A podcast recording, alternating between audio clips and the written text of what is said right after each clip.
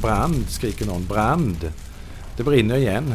Och då ut från Stadshotellet kommer balgästerna rätt bestyrkta, en del av dem. Och det har varit maskerad så en del har fortfarande på sig masker och grejer. Så de går omkring, halkar omkring i stan och ska dra fram brandsprutorna som då finns. Men det är så jävla kallt, februari är den kallaste månaden vi har, så vattnet fryser i sprutorna. Eh, och jag kan ju tala om det här som filmiskt och lite roligt nästan därför att ingen kommer till skada. Eh, det är väldigt få gånger när det brinner i Växjö som någon dör till följd av brand. Brandskador finns. Men det är ju ganska roligt eh, ändå när man ser det framför sig. Och jag säger igen ganska roligt, det är ju hemskt när det brinner. Men dels då väldigt sömndruckna i nattrockarna som kommer ut och tittar sig yrvaket omkring och så festdeltagarna lite lullande ut i maskeradkostym eller i varje fall i masker.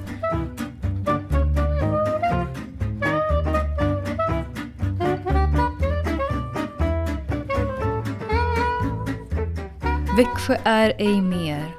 Det är den ödesmättade rubriken en tidning har efter den 1 november 1843. Branden som brutit ut den 31 oktober hade då härjat Växjö i 18 timmar och förvandlat stora delar av staden till förkolnade stumpar. Trots att över 1100 personer hade förlorat hem och ägodelar så hade tursamt nog ingen dött i branden. Men det är förståeligt att stämningen var tryckt. Det hade inte ens gått sex år sedan branden 1838 och många kom fortfarande ihåg branden 1799. Det här var långt ifrån den enda gången Växjö brunnit. Men varför blev det så förödande? Och vilka konsekvenser fick det? Går det att märka av de här bränderna idag? Det här är några av de saker vi idag ska försöka reda ut i dagens avsnitt av Din podd på jorden. Till vår hjälp har vi Håkan Nordmark, historiker och Samuel Palmblad, byggnadsantikvarie. Och jag heter Tora Tändal. Ja, Håkan, vad orsakar de här bränderna? Och hur omfattande var de? Ja, det finns ju olika orsaker naturligtvis. Ibland är det danskarna som tänder på stan och kyrkan.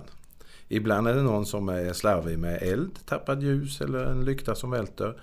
Och ibland är det naturens krafter, det vill säga blixten som slår. Och allt detta blir ju kaosartat eftersom det är en trästad. Varenda gång så vill myndigheterna bygga upp staden mer solitt men de struntar i det och bygger upp den i trä varenda gång. Och det har ju brunnit rätt ofta. Så man är ju van att bygga i trä och man gör det ofta. Så som, vad i den här gamla bebyggelsen är det som brinner? Ja, tittar man på Växjö som långt in i slutet av 1800-talet var en väldigt liten stad så är det ju en trästad. Det är ju hus som ligger väldigt tätt och jag brukar säga det att det finns väldigt mycket brandfarliga ämnen. Eller vi kan säga så här, det finns mycket som kan brinna och de som bor i stan använder sig av mycket brandfarliga material så tillvida att det eldas ju jättemycket.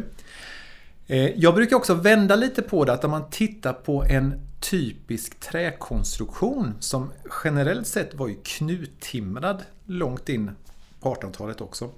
Så brinner det ju samtidigt kontrollerat. Eh, alltså en, en, om man tänker att man lägger en spaghetti på en, en kokande gryta så ser man ju liksom hur den böjer sig. Alltså egenskaperna ändras påtagligt. Så även om en träkonstruktion brinner så brinner den kontrollerat. Det blir också ett skyddande kollager kring själva timret. Så att man kan väl säga så här att Visst sätter elden fart, men det brinner samtidigt kontrollerat.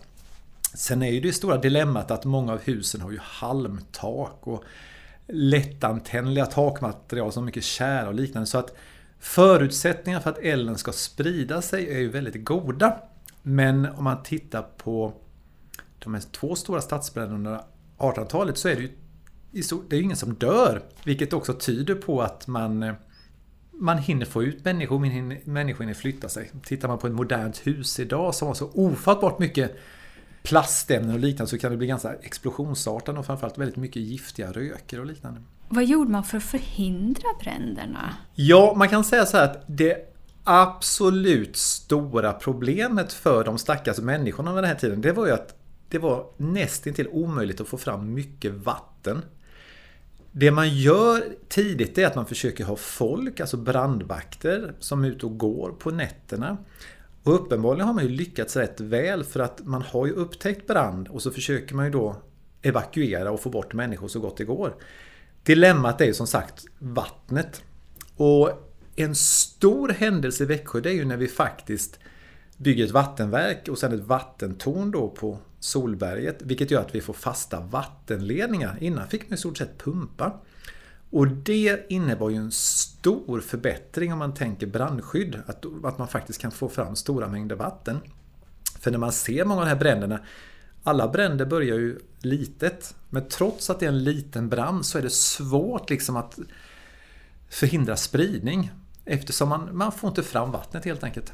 En annan viktig sak man bör tänka på det är ju att när då Växjö drabbades av de här otroliga bränderna eh, och den sista 1843 så går ju Växjö in i en, liksom en, man bygger ju upp staden på nytt kan man ju säga. Samtidigt börjar man ju i Sverige försöka konsolidera det här med byggregler och vad man ska bygga och hur man ska bygga. Och det är ju en stor byggnadsstadga som man säger som gäller för landet som, som, vad ska man säga, starta 1874. Och då ställer man ju väldigt mycket brandkrav. De tre fokusområdena är att det ska vara bättre hygien, bättre kommunikationer, men framförallt brandskydd. Och det innebär ju att man vill ha ju bort naturligtvis alla så här halmtak och grejer, det kan vi inte ha inne i stan. Man vill bygga mer med sten, tegel och vi har kommit in i en industrialisering vilket gör att man också kan köpa mer tegel helt enkelt, inte så en lyxprodukt. Eh, även om man fortsätter bygga mycket i trä i Växjö så putsar man ju generellt sett fasaden, alltså reviterar dem. Och det är ju också så här brandhämmande eller reducera brandspridning. Och sen mellan fastigheter så bygger man ju brandväggar. Sen ska man inte glömma att en del av de här åtgärderna man gör, till exempel att man vill bredda vägarna eller gatorna för att förhindra brandspridning. Och vi bör plantera alléer. Och alléerna som sådana är ju bidrar till grönska och det är skönt och vackert på alla sätt och vis. Men de fungerar ju också lite som brandsegel. Så tillvida att om det brinner ett hus och det blir ju alltid gnistbildning så ska de också kunna liksom möjligtvis reducera spridning och fånga upp detta.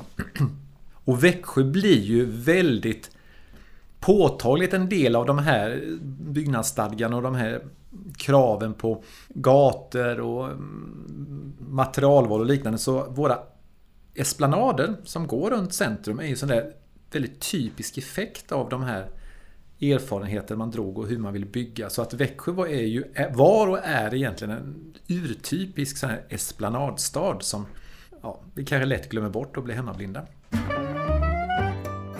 Håkan, vad fanns det för brandskydd och brandkår?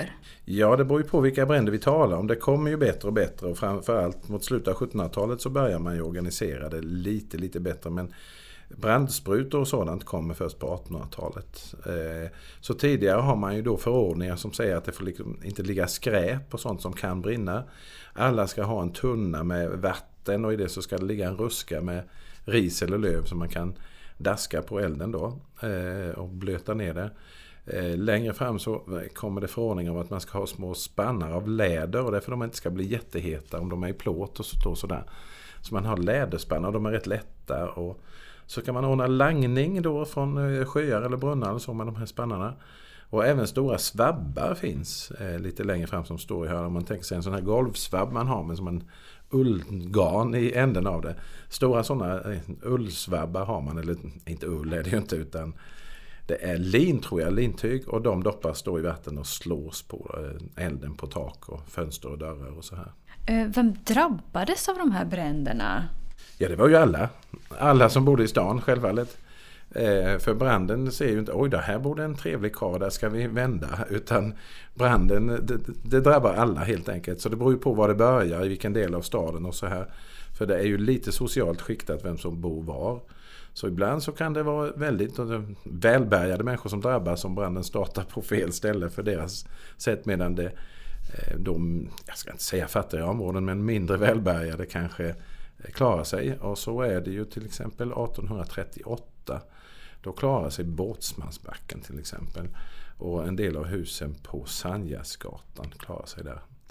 Eh, medan finare borgarhus då brinner ner. Så, så det drabbar alla och det drabbar ju myndigheterna, alltså Länsstyrelsen, länsfängelset eller länsfängelset man har, kyrkan, skolan. Så efter branden då, de husen som står kvar, de får man ju använda vare sig man är hög eller låg. Ja, var bodde man?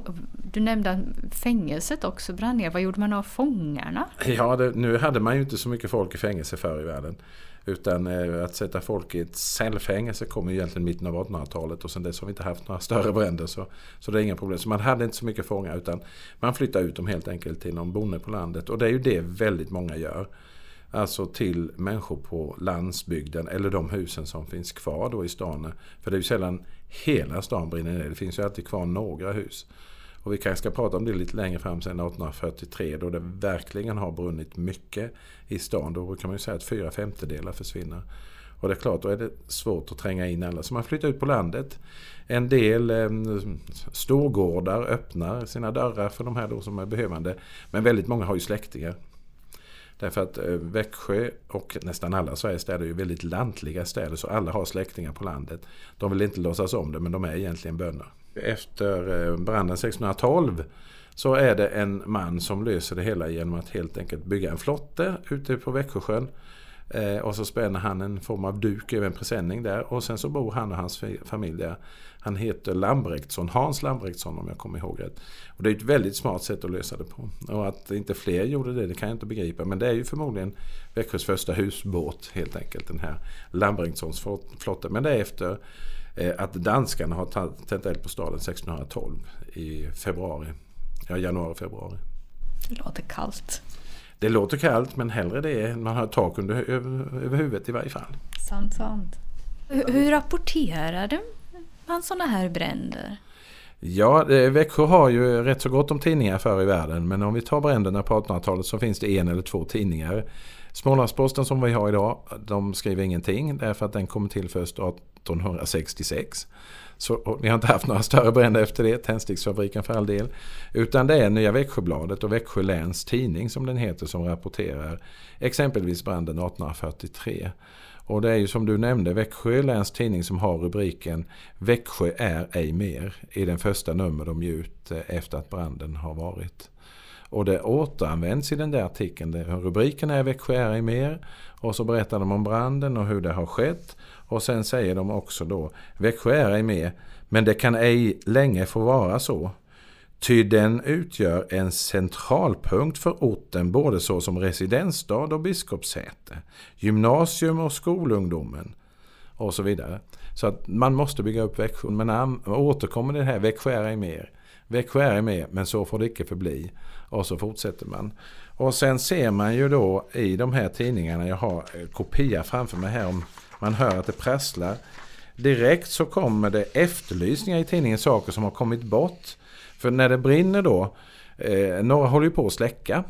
Men andra håller ju på att tömma hus som är hotade och då hinner man ju liksom inte sätta namnlappar på allting utan man ställer det i trädgårdar eller på torg eller så här på öppna ytor där branden inte ska nå.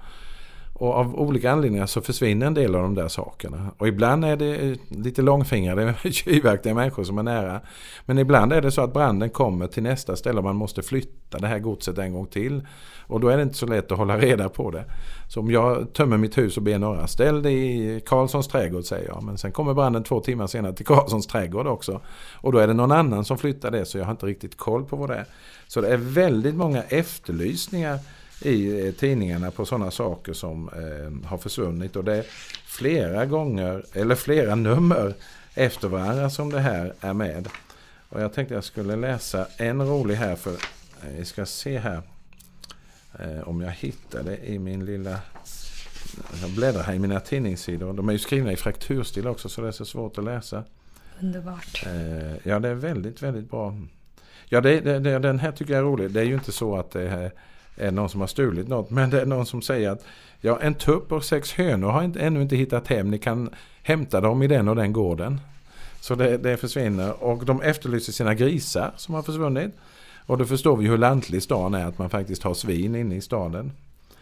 Um, vi har en trevlig, eller trevlig, uh, vi har en rolig annons där uh, man säger att um, stadens styrelse eller annonset, anslag, alltså en kungörelse från staden att eh, nu är det ju så lite kvar av staden.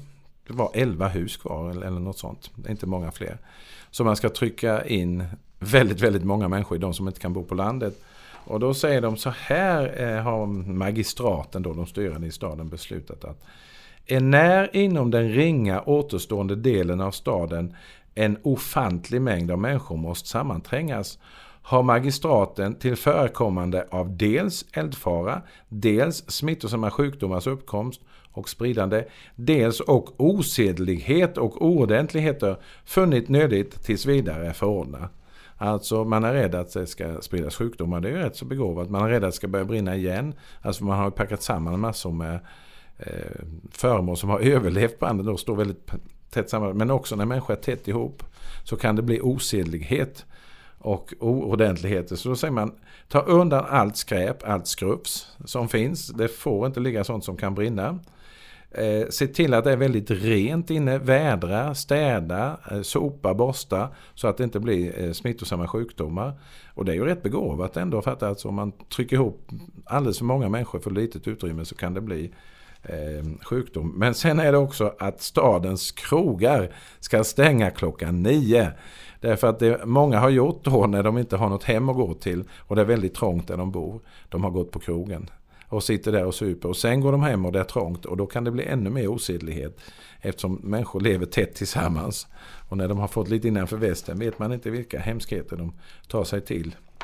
Eh, så det finns ju sådana här som för oss låter väldigt roligt på ett sätt men, men är ganska självklart alltså att, att man måste ta undan brandfarliga saker. Alltså, har man en halvbränd gammal soffa kanske den inte man kanske slänger den då. Den ska inte stå och skräpa och det kan börja brinna igen i den. och sådär. Så eh, är ju väldigt bra för att eh, få en uppfattning om hur gick det till. Och bara det här att rensa staden på allt bråte.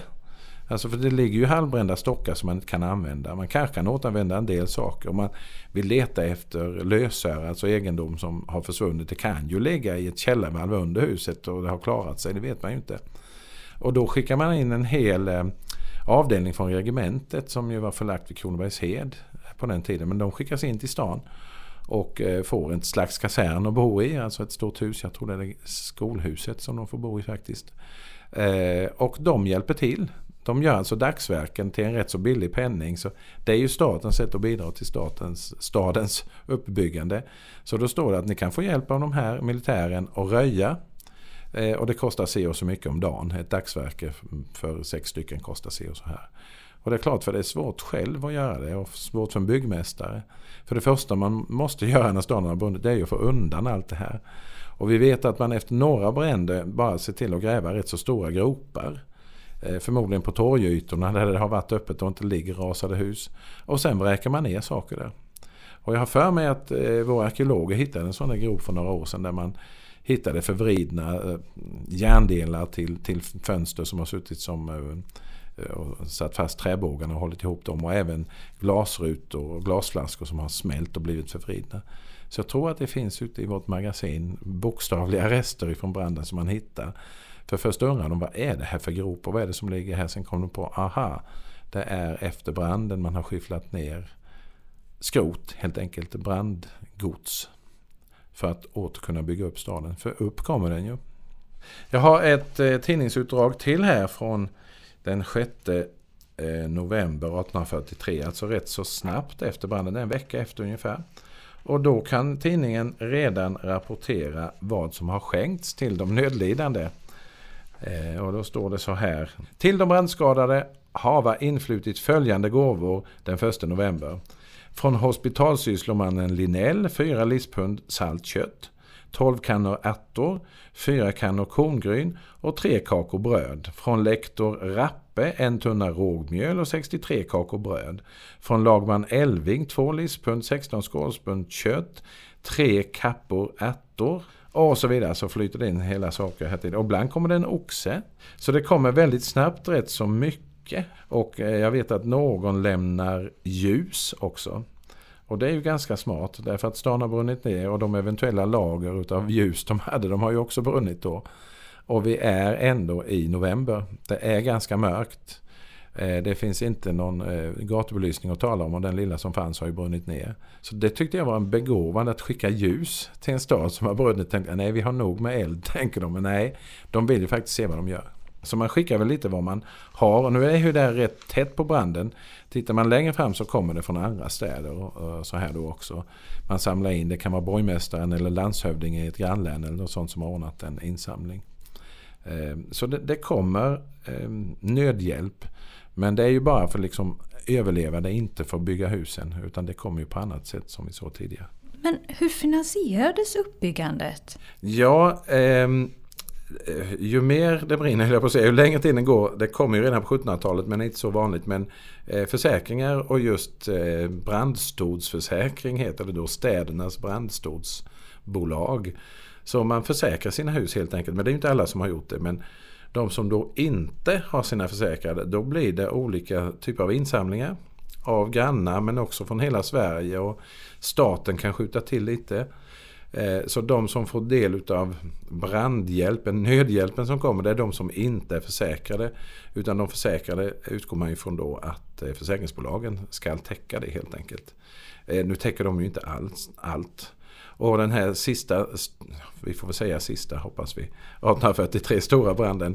Då skickar man en deputation, deputation till Stockholm, till kung Majestät också som säger att vi hoppas att du kan göra, äh, du säger man inte, kungen, ni Ers Majestät kan göra någonting. För det är ganska viktigt att, att Växjö får finnas kvar.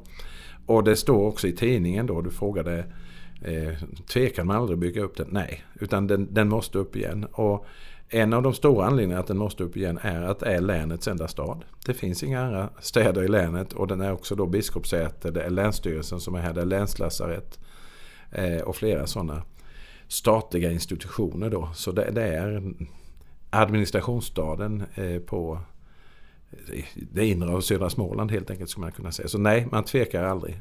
Men lite trött kanske man blir. För branden då 1843 som du säger det fanns ju de som mycket väl mindes den branden som var det sista decenniet på 1700-talet. Och alla nästan mindes ju branden 1838. Och man var färdig med den nya staden nästan. Och då kommer det ytterligare en brand 1843. Och det är ju ganska spännande, det står i tidningarna då att branden startade i den så kallade gamla staden. Och den var ju inte äldre än något annat men det var ju den som var kvar. Där det låg gamla byggnader där det inte hade brunnit. Så branden 43 startar i det som inte brann 38.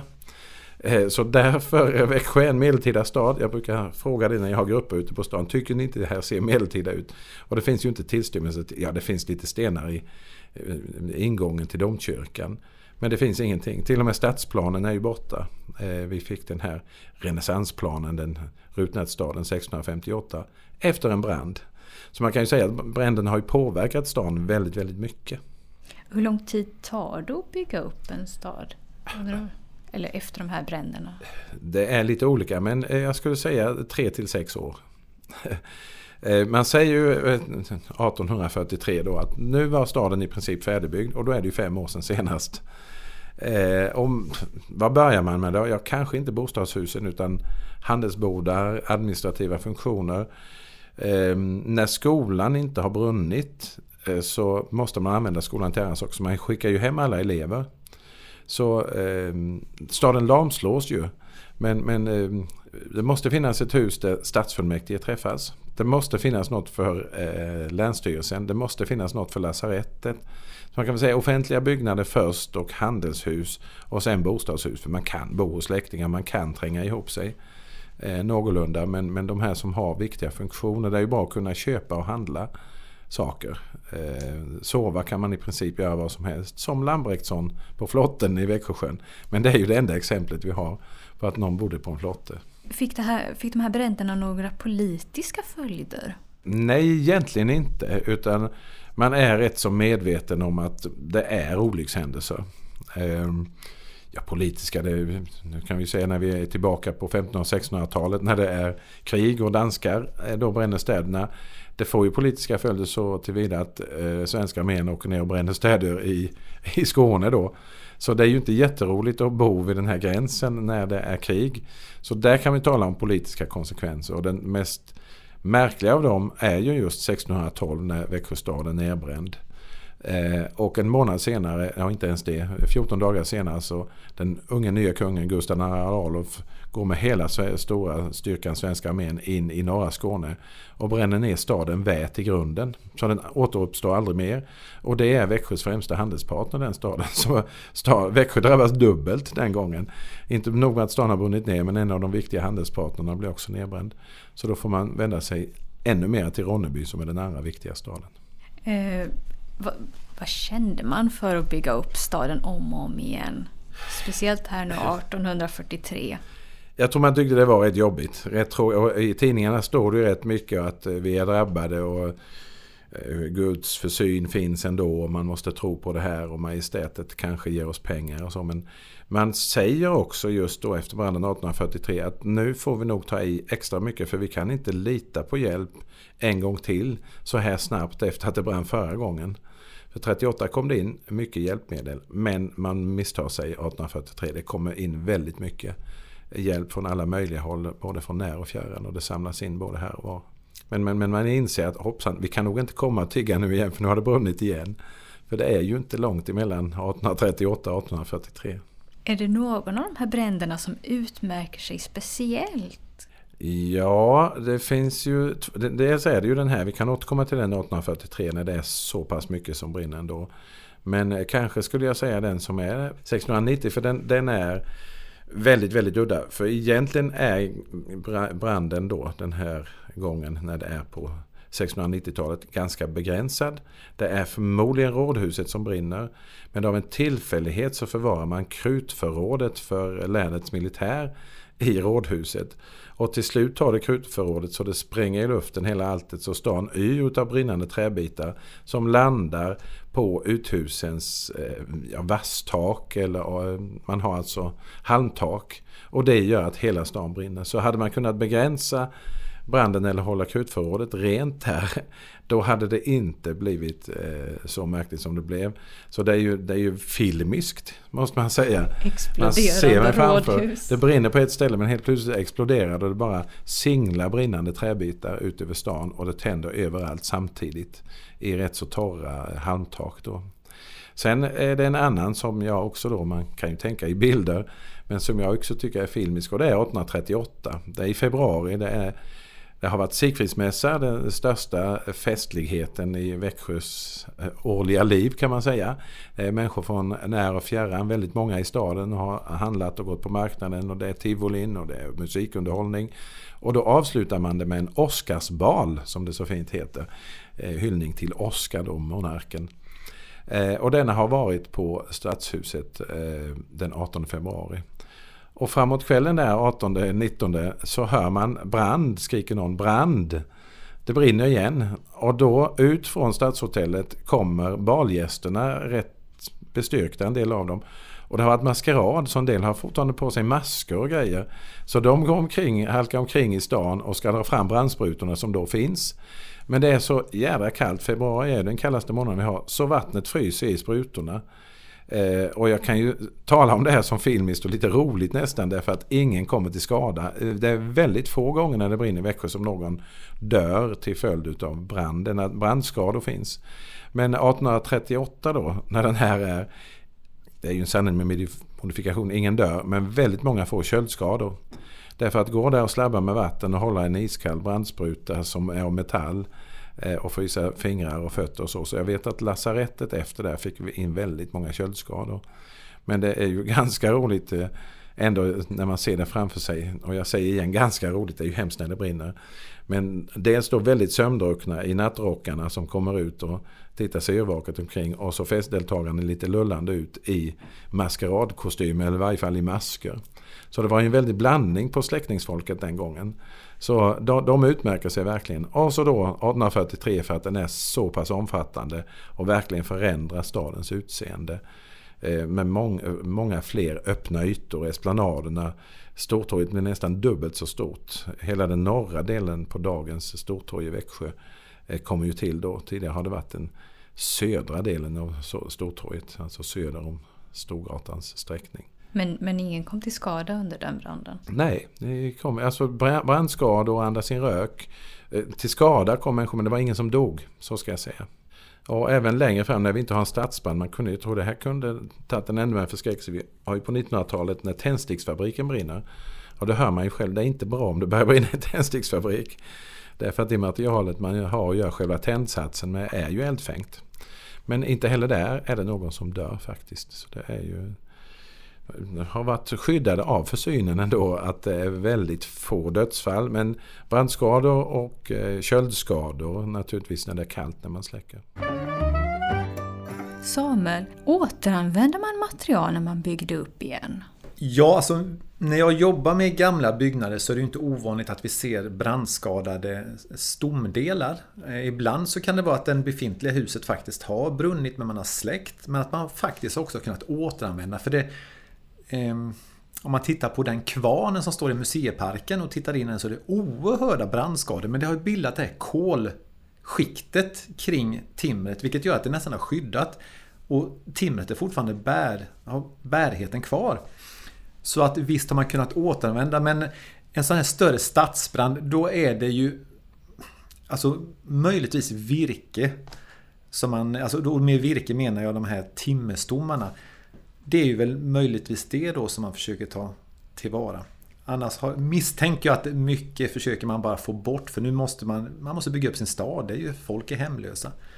Kunde någon av bränderna ha undvikits? Ja, det är ju alltid det, man skriver ju till exempel när Alvesta brann ju 1896. Det var en väldigt allvarlig brand och det berodde troligtvis på att någon hade glömt en fotogenlykta.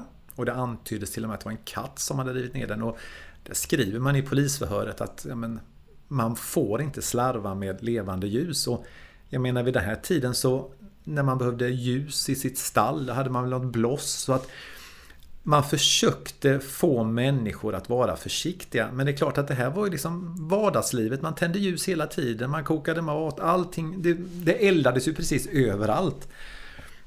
Så det är klart, förutsättningarna var väl inte alltför goda men eh, man, man försökte väl föra en dialog eller förklara för folk att vara försiktiga. Det är väl det enda och sen är det ju så här att även i denna tid så drack ju människor alkohol. Och det tror man ibland att det kan ha bidragit att folk kanske var berusade, tände eld, glömde, somnade eller liknande.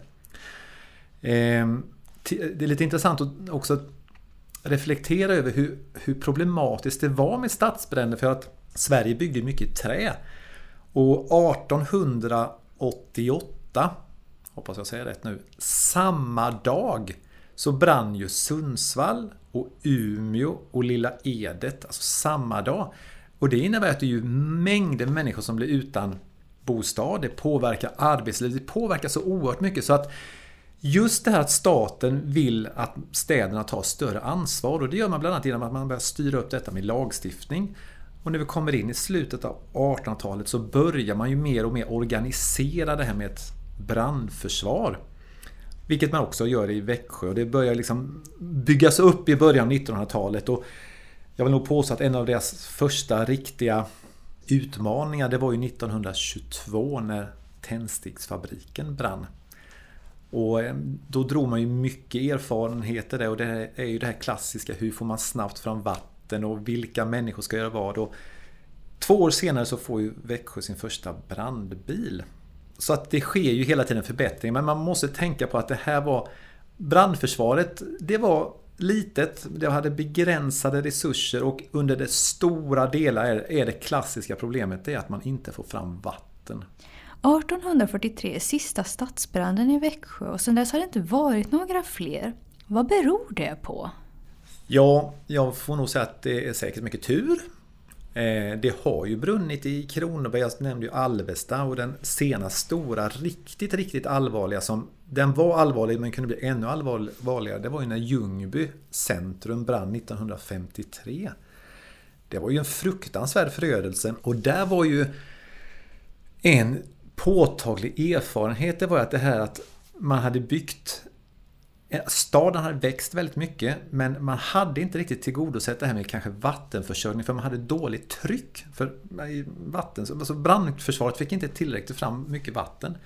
Så man fick ju lägga ut jättemycket provisoriska ledningar och det märkte man exempelvis, eller noterade i Växjö så att Det var ju ett av argumenten när man ville ha ett nytt vattentorn i Växjö på 50-talet att stan har växt så oerhört mycket och för att minska riskerna för brand så måste vi få ett nytt större bättre vattentorn. Vi måste få bättre tryck i systemen.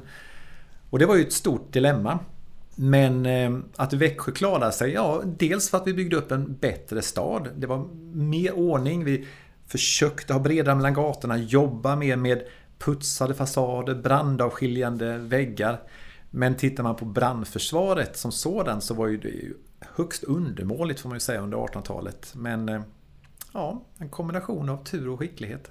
Du nämnde att eh, staten försökte reglera hur man byggde för att förhindra bränder. Men vad, vad gjorde de tidigare, före 1800-talet?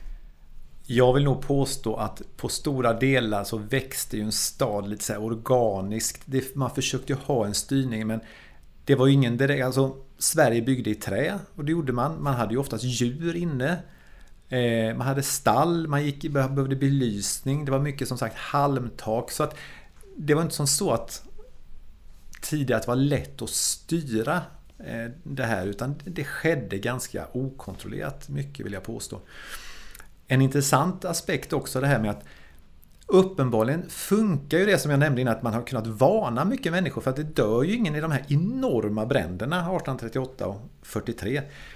Och det intressanta är att eh, 1810 så brinner ett av de här klassiska husen i Växjö där Musika Vite sitter idag, alltså gamla församlingshemmet. Det brann 1810. Och folk är ju nyfikna. Och det var ju ett, en träkonstruktion med, som brann ner då. Men det som står kvar är ju murstockarna. Och det här tyckte folk var intressant så studenter från gymnasiet var ju där och då kollapsade de här så då dog ju två stycken. Så att då dog det två medan ingen dör i de här stora bränderna som sker då lite senare. Vilket är intressant i sammanhanget. Men vi har ju ett tillägg. Okay.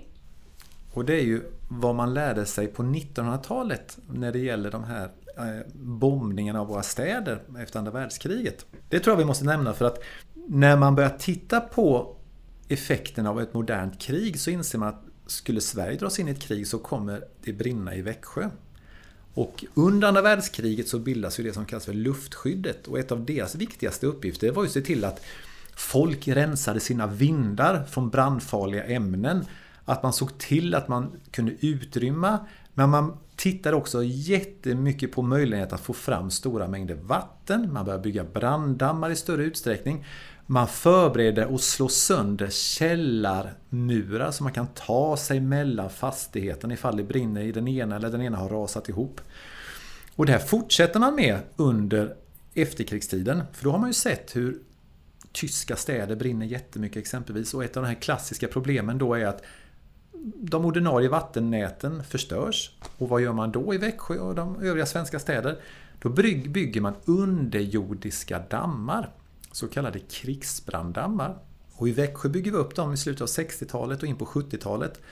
Så på sex platser i centrala Växjö så finns det stora underjordiska dammar. Bara avsedda för om kriget kommer. Och de kallas för krigsbranddammar. Och det bedömde man inte skulle räcka till ändå. Och då förberedde man att gräva upp i stort sett var och varannan park i Växjö för att anlägga dammar. Och för att göra det och inte vattnet ska åka bort så måste man ha stora gummipresenningar och det la man i förråd. Och om då kriget kom så var ju tanken att man behövde jättemycket folk för att kunna släcka, jättemycket folk för att kunna rädda. Och då bestämmer man att Rottne och Jämla blir de stora så kallade civilförsvarsbaserna. Så skulle, säg Sverige hamnat i ett krig på 80-talet och en bit in på 90-talet säger vi. Så skulle det i eh, enbart i Jämla och Rottne finnas totalt 729 personer. Det är rätt mycket. 729 som bara hade i uppgift att bistå då civilbefolkningen, få ut civilbefolkningen, släcka bränder och liknande. Så det här med bränder kan man väl säga har vi blivit ganska duktiga på. Och när jag flyttade till Växjö så brann det tragiskt nog här på Södra Järnvägsgatan i ett fint gammalt jugendhus. Men Halva huset brann, men inte den andra. Och det berodde på att mitt i huset gick en sån här brandavskiljande vägg. Och då såg man ju att det hade funkat då. Att man försökte liksom reducera spridningen. Sen hade vi en modern räddningstjänst som snabbt var på plats och började släcka. Eh, vi har pratat om att eh, man har försökt förhindra bränder men, men har det varit nära att börja brinna nu i modern tid? Ja, alltså det som jag omedelbart kommer tänka på det är ju den här osannolika situationen när ett bränslelager i Moheda exploderar 1958. Och då är det ju liksom en, ett berg som ligger lite ovanför samhället och det vräker ju ut tusentals och åter tusentals kubik då med flygfotogen. Så det är klart att räddningstjänsten var ju minst sagt panikslagen och detta är ju en händelse som uppmärksammades även internationellt. Och man vidtog ju väldigt mycket åtgärder för att hindra att en eventuell eld skulle starta. Man fick ju inte gå och röka och tågen skulle fälla och glida genom samhället utan att koppla på elektricitet och liknande. Det roliga i sammanhanget, eller, eller tragikomiska eller vad man nu ska säga, det är ju att man sen medvetet tände på bränsle så gott det går men kontrollerat för man vet inte vad man ska göra med den här mängden bränsle. Men det kunde ju ha gått riktigt illa i Moheda om det oturen har varit framme. En annan aspekt som är, rör faktiskt också Moheda och lite grannsamhället Torpsbruk det är ju att det höll på att eh, eh ske ett flyghaveri där 1984 i september och det var ju ett passagerarplan fulltankat som startade från Växjö flygplats och när den börjar få lite höjd och komma någonstans där Moheda Torpsbruk trakten så kommer det ett militärt stridsflygplan och eh, de här uppmärks de vet inte riktigt om varandra så att det är väldigt nära att de faktiskt kolliderar i luften. Och passagerarplanet får helt enkelt kasta sig åt sidan. Och hade de då i luften ovanför de här samhällena, om de hade krockat, då hade det ju rasat ner flygdelar med massor med bränsle och det i sin tur då kunnat orsaka en väldigt komplicerad brandsituation. Nu blev det ju inte så, men eh, man vet ju aldrig. Hur förbereder man sig från ett flyg, stort flygplan som dimper ner i ett samhälle? Det är inte lätt.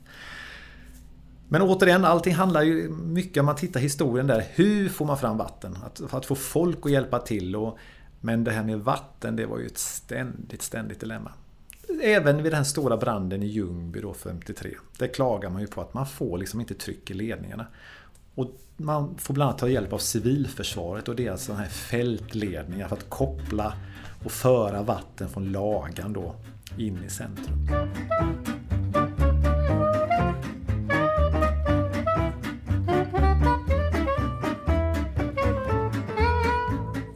Du har lyssnat på din podd på jorden. Det här avsnittet har handlat om de förhoppningsvis sista stadsbränderna som härjat i Växjö. Ni har hört Håkan Nordmark och Samuel Palmblad samt mig, Tora Tendahl.